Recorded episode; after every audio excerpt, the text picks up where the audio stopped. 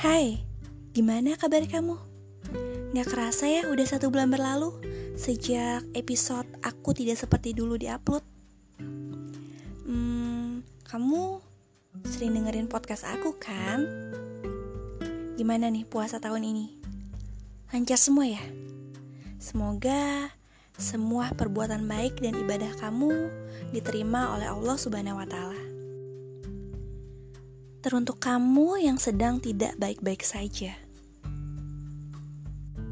yang masih merasakan marah, sedih, kecewa sama seseorang, atau bahkan kecewa sama diri kamu sendiri, kecewa sama pasangan, kecewa sama keluarga, kecewa sama rekan kerja mungkin, atau kecewa dengan hal-hal yang tidak sesuai dengan ekspektasi.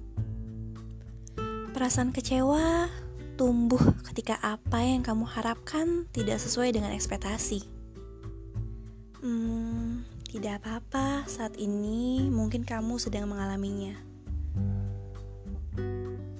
Hingga berpikir, ini sangat sulit untuk dihadapi. Tarik diri kamu selangkah ke belakang.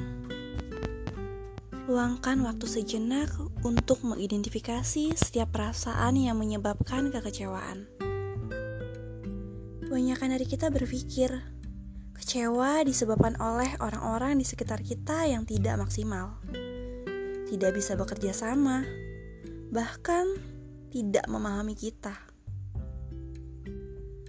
Padahal, kekecewaan itu tumbuh karena emosi kita sendiri.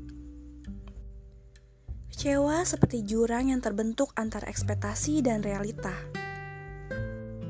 Dan keberhasilan terbaik seseorang datang setelah kekecewaan.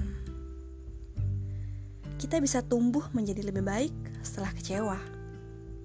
Loh, gimana caranya? Dengan mengubah sudut pandang kecewa, diposisikan menjadi sudut pandang yang berbeda. Menjadi motivasi mungkin? Karena motivasi bisa tumbuh dari sebuah kondisi. Salah satunya ya kecewa. Jangan pernah lupa bahwa hidup manusia itu seperti dalam sebuah playground. Dan kita diminta untuk bermain dan juga menemukan pola dan maknanya. Mereka yang tahu aturan mainnya tentu tidak mudah akan kecewa. Dan ketika kita paham dengan apa yang dicari di dunia, maka kita akan mudah mengendalikan rasa kecewa. Jangan pernah lupa bersyukur. Bersyukur tentang apa pun. Materi, perhatian, kasih sayang, cinta dan waktu adalah satu hal yang membuat kita bisa jauh lebih bahagia. Give and gratitude adalah satu cara untuk bisa melepaskan kekecewaan. Kecewa tidak seperti hitungan matematika, di mana satu tambah satu sama dengan dua.